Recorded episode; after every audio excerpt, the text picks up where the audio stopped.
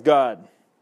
If you have someone watching, uh, watching at home with you, uh, turn to them and tell them it's, it's, it's time to turn to the Word. It's time to look to the Bible. It's time to see what God has for us. Give them a high five. Tell them it's church time. Praise God. Acts chapter 7. Acts chapter 7. Verse 59. If you're turning your scripture there, I'll give you a second. Or you can just look on the screen and you'll find it there. Acts chapter 7, verse 59 says, And they stoned Stephen, calling upon God and saying, Lord Jesus, receive my spirit. Verse 60. And he kneeled down and cried with a loud voice, Lord, lay not this sin to their charge. And when he had said this, he fell asleep. Acts chapter 8, verse 1. And Saul was consenting unto his death. And at, and at that time, there was a great persecution against the church which was at Jerusalem. And they were all scattered about throughout the, throughout the regions of Judea and Samaria, except the apostles. Verse 2 And devout men carried Stephen to his burial and made great lamentation lamentation over him.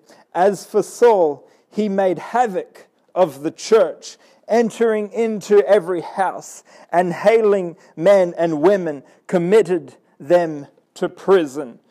Therefore they that were scattered should they that were scattered abroad went everywhere went everywhere preaching the word if we can jump to chapter 8, verse 25, the same chapter, verse 25. Let me find it here for a second. Verse 25 says, And they, when they had testi- when they had testified and preached the word of the Lord, returned to Jerusalem and preached the gospel in many villages of the Samaritans. And can we jump to verse 40 in chapter 8, the last, uh, the last verse in chapter 8. But Philip was found at Azotus, and passing through, he preached in all the cities till he came to Caesarea. I want to preach just for the next little while this morning on this subject power under pressure. Power under pressure. Brothers and sisters, the church in the book of Acts at that time, the church was growing and God was adding to the church in Jerusalem and, and the church was having revival and, and people are being added to the church daily. At the end of chapter 2 says, such as should be added to the church daily. Uh, at the end of chapter 2, and revival was happening.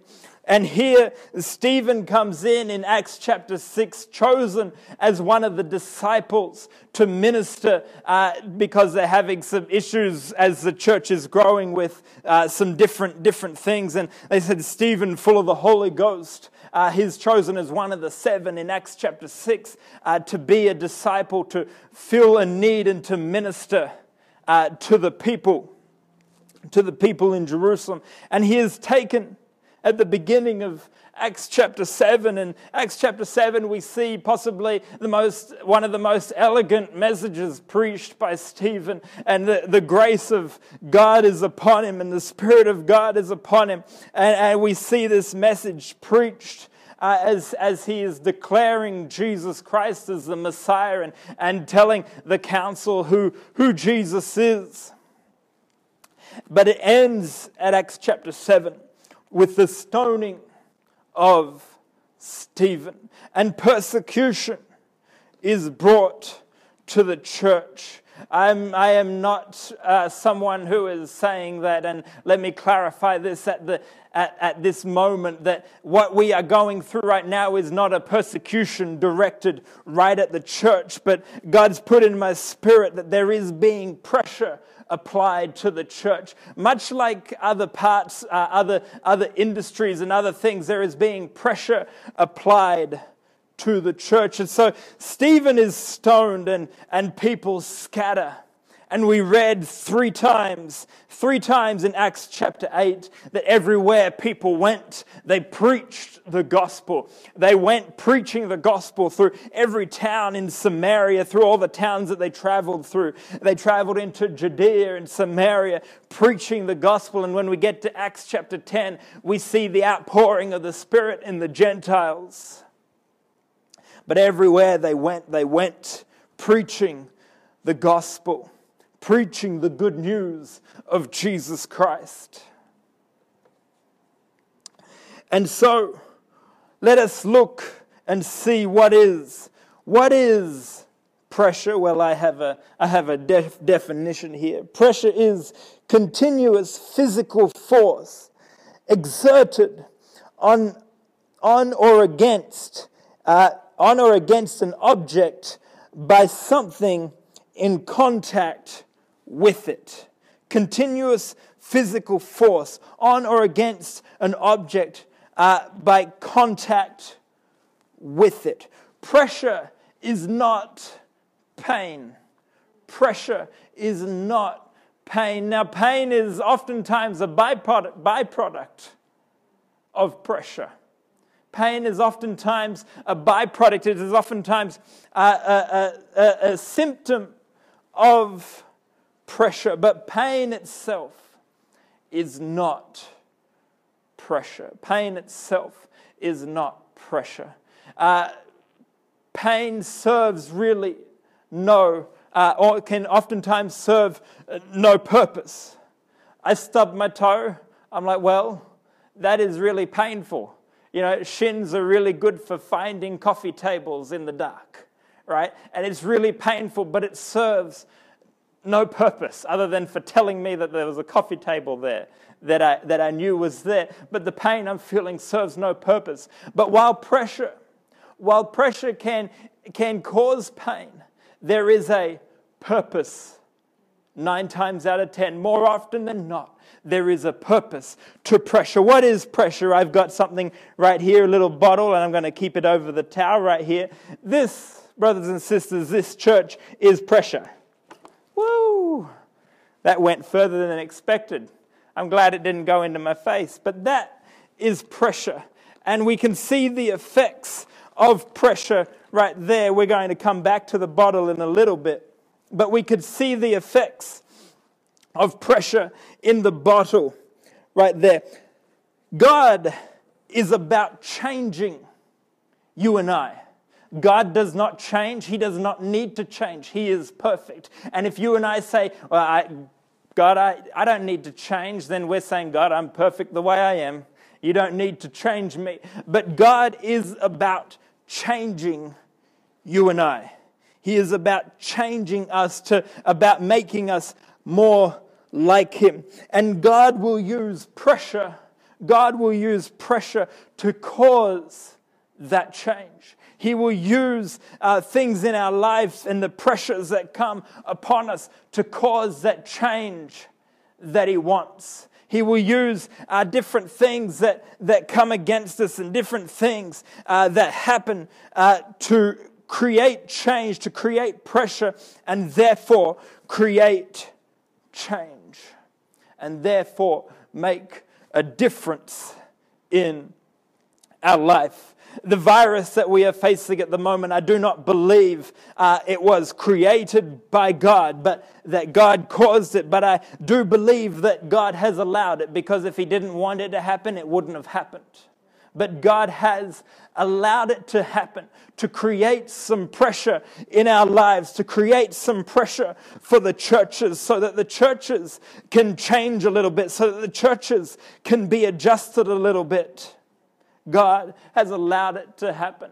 God could have saved Stephen. God could have stopped Stephen from being stoned, but he allowed Stephen to be stoned to create some pressure and thus create a result in the pressure. If we turn to 1 Corinthians, 1 Corinthians chapter 10, verse 13 says, There hath no temptation taken you, but such as is common to man.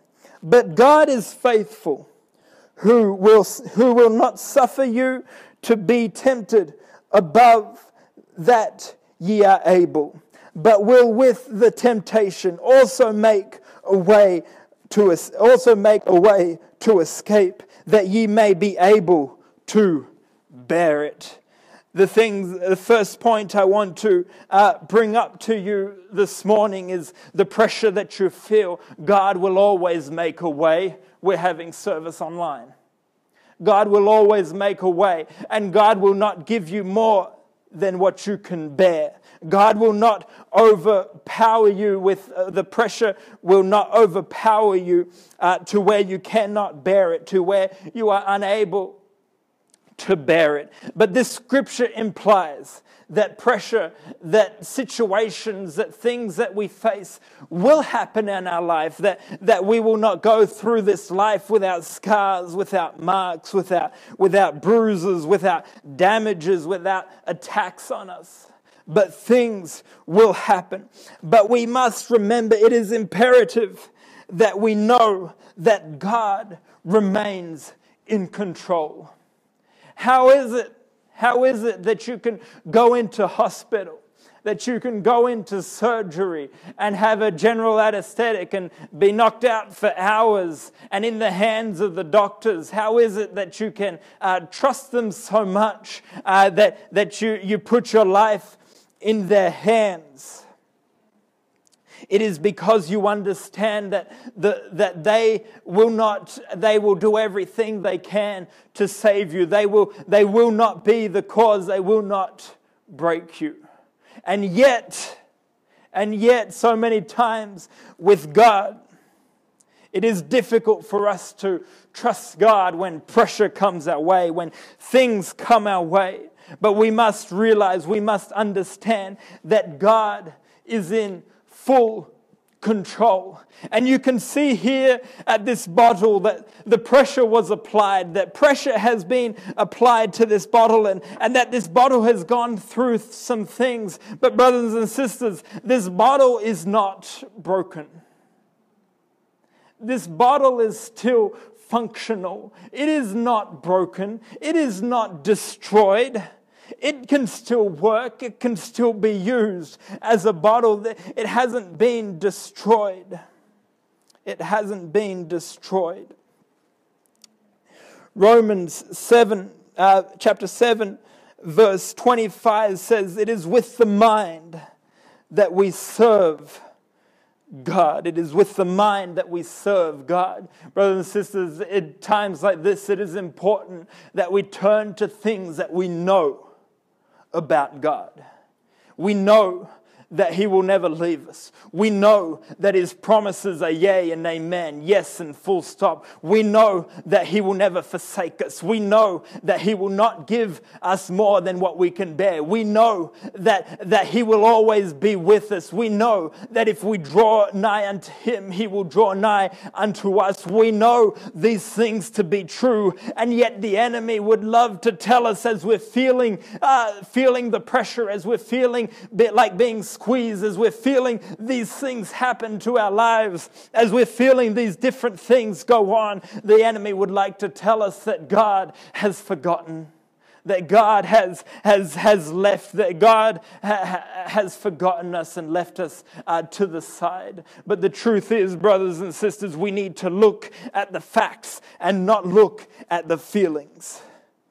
We need to look at the facts, the promises that are in the Word of God for us. That's why the scripture says, Romans says, it is with the mind, Paul is writing, it's with the mind that I serve God. It's with the mind, and, and we see it in other passages in the Bible, that it is with the mind that we serve God. I'm sure Paul and Silas didn't really feel like worshiping God.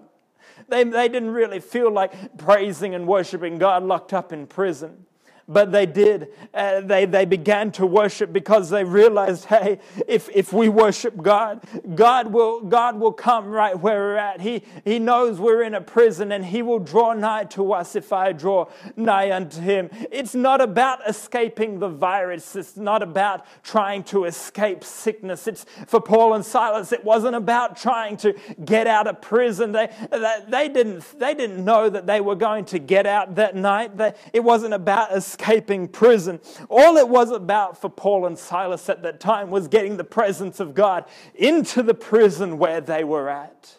And so they worshiped. It wasn't about them getting out of their situation. It was about God getting into their situation and, and, and them feeling the presence of God.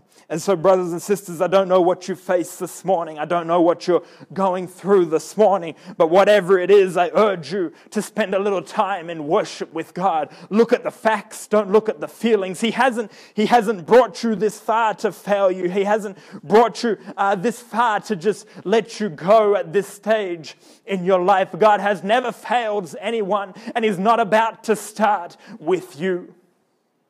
He hasn't brought you through every situation and the testimonies, uh, the testimonies that you share with people when everything is going good. Uh, you share the testimonies, but share those testimonies with people when, when things aren't going good, when, when you've been told you don't have a job, when you've been told that a family member's uh, been diagnosed with this, been diagnosed with that, when you've been told this or that. Share testimonies with people because it'll turn your focus, it'll turn your vision vision onto the fact that God has brought you through things before and He'll bring you through this like He has before. He didn't bring you through that to let you be destroyed in this situation, just like the squeezing of the bottle didn't destroy the bottle. You may be feeling some pressure, but it will not, it will not destroy you. It will not destroy you. God not only knows he knows the amount of pressure that you can handle, but He also knows the exact place and the precise point to apply the pressure. God knows where to apply the pressure. Go back to the bottle. If I, if I squeeze up top, well, not much happens, not much goes on. If I, if I squeeze down bottom, well, a little bit may happen, but not, not, not, too, not as much as what you saw when I, when I squeezed the middle of the bottle. And water spurted, I'll tell you, a lot higher than I thought it was going to. that went a lot higher than planned. But uh, he knows the precise point. He knows the precise point to allow the pressure to be applied so that, it's, so that it doesn't break you. He knows how much, but he also knows the precise location and the precise point to allow the, oppress- the pressure to be applied. Stephen, why Stephen? Why? Why was it Stephen that had to be stoned? Seemingly, as the scripture says, a, a powerful man, a powerful man full of the Holy Ghost, full of the grace of God, full of wisdom. The scripture says at the end of Acts chapter 6, and, and we can begin to see why Stephen, as, as, as we read through chapter 6 and chapter 7, we can begin to see this is why Stephen, because of the grace that was with him the grace that he carried through the whole situation. And so, Stephen, at the end of Acts chapter 6, the scripture says that, that the council looked on him and they saw his face as of the face of an angel. What, the, what that's talking about there really is the peace of God that passes all understanding the peace that passes all understanding when, when life is going crazy, when situations going crazy, when, when it looks like for Stephen that he's, a, he's about to die, when it looks like he's, he's, he's reached the end of his ministry, he's reached the end of his life, and, and, and it looks like it's the end, the peace saturates him, and it is a testimony to those that are around him. Not only that, uh, Saul, uh, Saul is consenting of his death, and the scripture says at the beginning of Acts 8 that he creates havoc in the church. But Stephen is the first. And it is, it's interesting that the apostles, the 12, uh, stay in Jerusalem. They stay in Jerusalem. And the, the, they didn't go. They, Peter, the apostle Peter, wasn't the first to be killed. John, the beloved by Jesus, wasn't the first to be killed. But the disciple, Stephen, was the first to be killed. This, I believe, sent a message uh, to the church that said, hey, hold on, hold on, people. They ain't just going over, they ain't just going after the 12. They're not just going after the leaders, the top dogs. They're going after everyone, everyone they can lay their hands on. And we see Saul uh, go in with permission into house after house, dragging men and women out that proclaim Jesus as God, dragging them out and throwing them into prison. And the church scatters because God realized hey, it's not in just the 12 anymore. But we see in Acts chapter 6, we see the, multiplication, the multiplication of the disciples. And there's more than just the 12 disciples that are now referred to as disciples. And the church scatters. I can just see it. The, uh, one day the, the, the husband comes home from work and he says, Hey, hey, hey, did you hear they, they stoned Stephen? He, he, he, he wasn't one of the 12. He was, he was just one of the, one of the regular, one of the regular guys, you know, full of the spirit and, and one of the regular like disciples. He wasn't up there. They, they're going after everyone. Did you hear the, that just two streets down, they, dr- they drug out some people. I hear Samaria is a nice place to live. I hear it's really nice. You know, I hear that's nice, nice, uh, nice waterfronts. Uh, I know there's pigs there, and you know we, we don't really like pigs, but I, I, hear it's I hear it's nice, and, and real estate is really good. The prices are really good. So pack your bags. We're leaving tonight. we're going. We're getting out. We're getting out of Dodge, and they scatter. But Acts chapter 8, verse 4 says, makes a very, uh, po- a very clear point that we have to realize. That even though they scattered, even though they went abroad and scattered everywhere across Judea and Samaria, they went preaching the gospel. They went preaching the gospel. They didn't just go and stay, well, let's, let's stay hush hush. Let's stay right here. Let's, you know, we, we, don't, we don't want anybody to know, you know, this is what we believe hush, be, keep it quiet. No, no. They went and everywhere they went, they preached the gospel. And you'll notice a transition.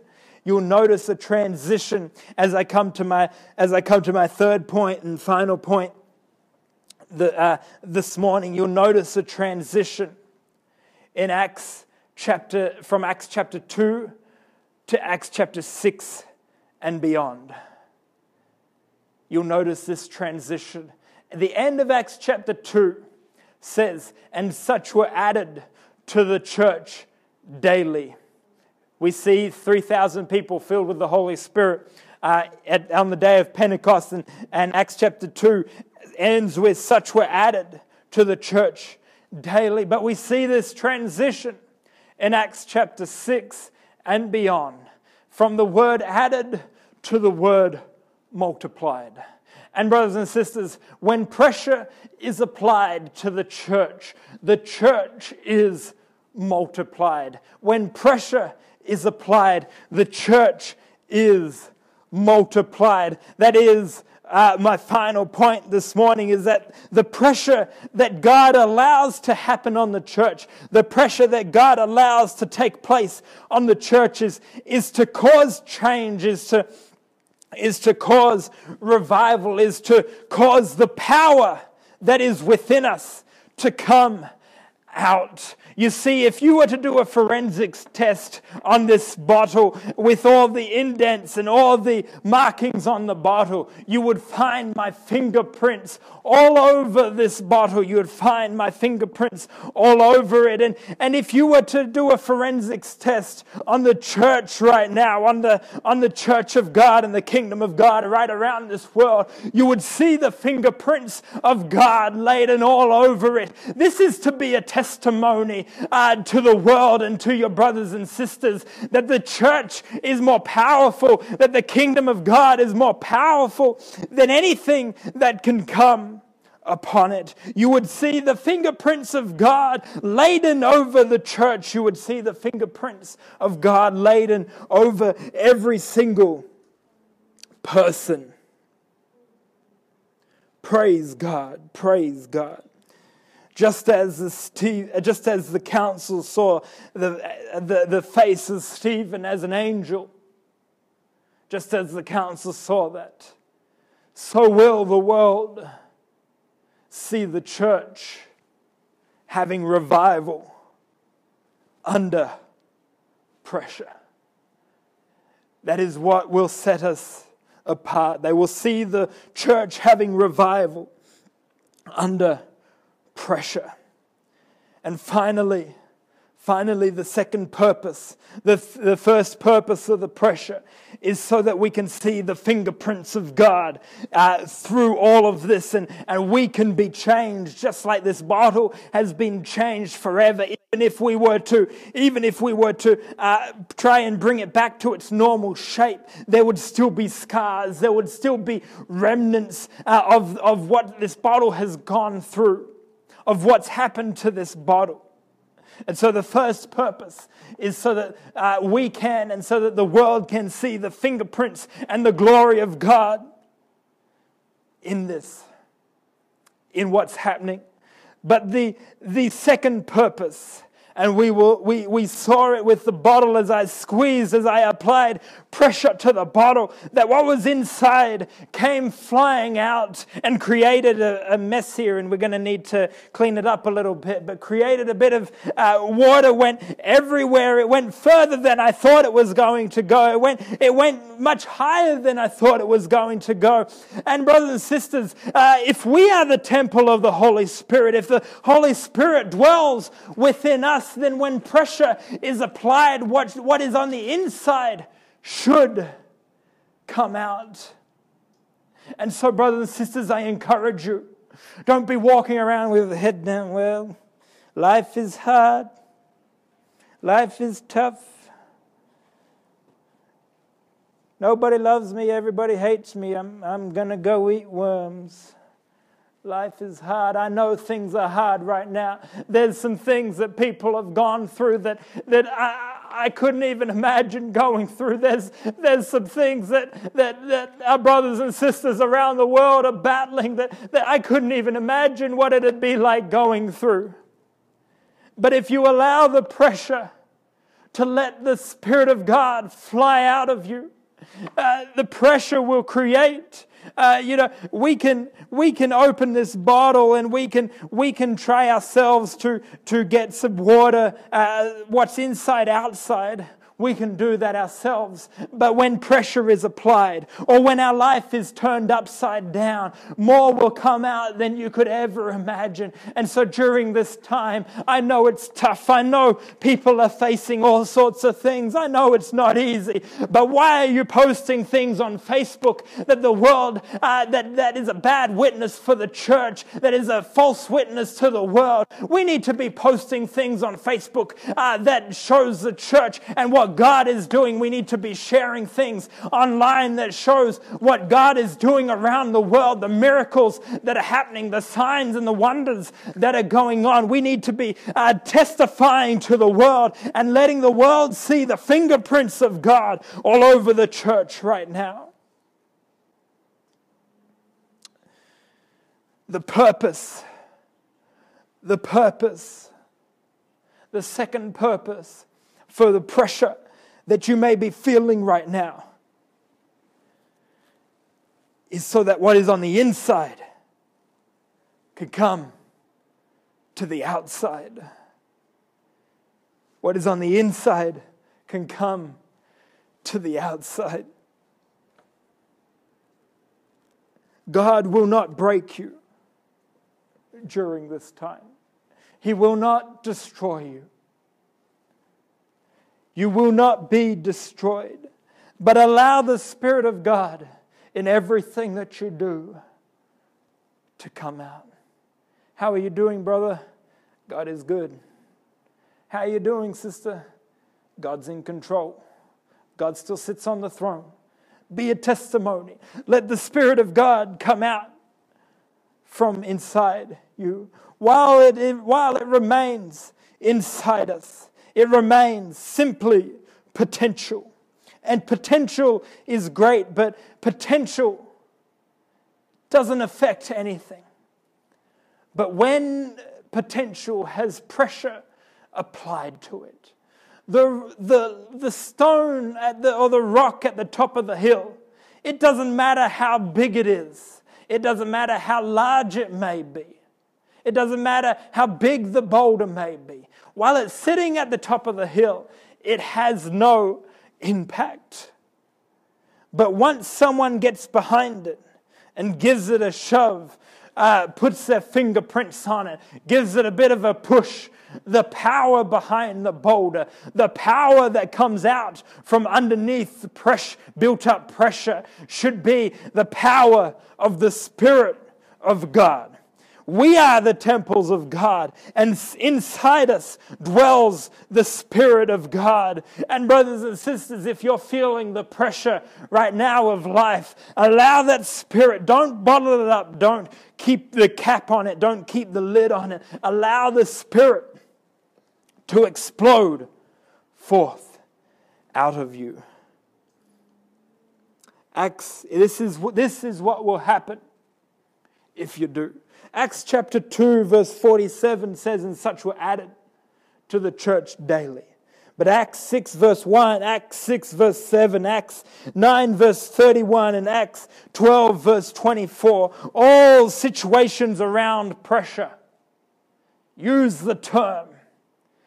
And the disciples multiplied, and the church multiplied. They went preaching wherever they went, and the church multiplied. If you allow the pressure that you are feeling to, uh, to allow the Spirit of God to fly out of you, just like the water came out of the bottle this morning, you will impact the world around you. And I close with this. It has been my thought and, and most likely my mistake and my error. That when the Bible says that I will pour out my spirit upon all flesh, that, that you, praise God, bring on the mega churches. Bring on the big churches. God, just send them in here by hundreds. Send them in here. And we want that. We want people to hear the word of God. But let's read Let's read Joel. Joel chapter 2, verse 28.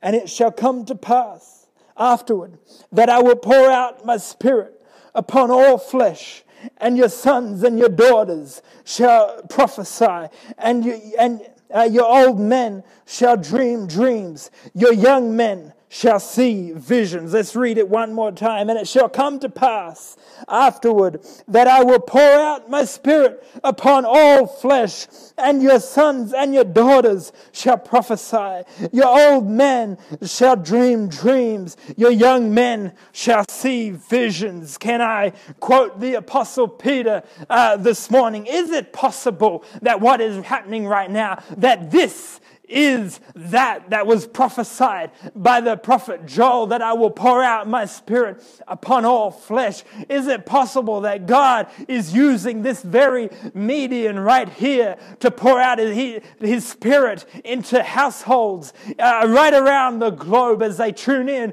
to churches that are all of a sudden going online everywhere around the world and that 24 7 uh, church, churches are ministering to the world? That people are doing devotionals, people are doing Bible studies all around the world. God doesn't need a building, God doesn't need a church building uh, to bring people to so that He can pour out His Spirit upon all flesh. No, no, no. God can be using this right now. Is it possible, brothers and sisters, that this, what we are witnessing right now in, in our rooms, in our, in, our, in our houses, this is possibly it? This is possibly that that was prophesied prophesied by the prophet Joel that in my la- in the last days I will pour out my spirit upon all flesh. I feel the presence of God in this place right now, and you probably feel the presence of God right where you're sitting, wherever you may be it at around the world. That is the spirit of God that was prophesied by the, by the prophet Joel. And right now, people who may have never who may have never heard about Jesus, who may have never heard about the the gospel are having an opportunity to find out what it's all about, are having an opportunity to find out what this is all about. The Bible the Bible is very clear. The Bible is very clear on how to spend eternity with Him. It is quite very possible that what was prophesied by the prophet Joel well over 2,000 years ago, somewhere around 2,500 years ago, is being fulfilled in the year 2020. It's prophesied. Why couldn't it happen in our lifetime? And why couldn't it happen by this means? It will happen. And we are seeing people right around the globe being filled with the Spirit of God with the evidence of speaking in tongues. We are seeing people being filled with the Holy Ghost every few seconds somewhere around the globe with the evidence of speaking in tongues. Brothers and sisters, the latter rain is happening. The Spirit of God is being poured out upon all flesh. You need to make yourself ready uh, for the rapture because the rapture is coming. And before we close in prayer this morning, I want to encourage you. If you are struggling trying to figure out what this Bible thing is all about, please send us a message. We'll get you connected with a local church in your area if you don't live in Alice Springs and we will teach you some Bible studies online as well. You wouldn't be the only one that's messaging us. I'll let you know we've had, we've had people message us this week and taught Bible studies this week. God is moving. This is very possibly that that was prophesied by the prophet Joel that in my last that in the last days I will pour out my spirit upon all flesh. I know you're feeling the pressure right now, and I, some of you are going through things that I can only imagine, and our prayers are with you. But let the Spirit of God come out when you feel like your life is being squeezed. Let's close in prayer this morning. Let's pray. God, we worship you. We praise you. We magnify you, God. And God, there's some things going on in people's lives right around this world that I can only imagine what it would be like. I can only imagine the, what they're going through, God. And God, I pray that you would strengthen them, that your spirit would be with them, God. I pray, God, that you would, uh, if people are looking, trying to find out what this is all about, I pray that you would lead them, God, to you. That they would find you, God, that they would not give up too soon, that they would not give up too early, God, but they would seek you out. And God, I pray as people are feeling the pressure of what is happening, that you would give us the strength, God. Give us the power Give us uh, uh, the peace, God, to allow your presence and your spirit to flow out of us to those that are around us. Give us the scriptures and the words of encouragement to say to those and to speak to those that are around us, God. We worship you and we praise you. In Jesus' name, amen. Amen. Amen. Brothers and sisters, church, I encourage you right now, as the live stream ends, to put on some music and spend some time in prayer. Because the enemy, the enemy doesn't want the Spirit of God to be poured out of us. He wants other things to try and come out of us. But we need to stay full of, full of the Holy Ghost and allow the Spirit to flow. So I encourage you to spend some time, put some music on, spend some time in prayer. And I urge you, if, if this is your first time tuning into our service or you, your first time trying to figure out what the Bible is about, it's the compass. It's very clear what it says. It's very clear what it gives us. Send us a message. We'll do some Bible studies with you. We have the time because, hey, you know what's happening. But God bless you all. We're praying for you. Stay safe. Let the Spirit of God flow. God bless. You're dismissed.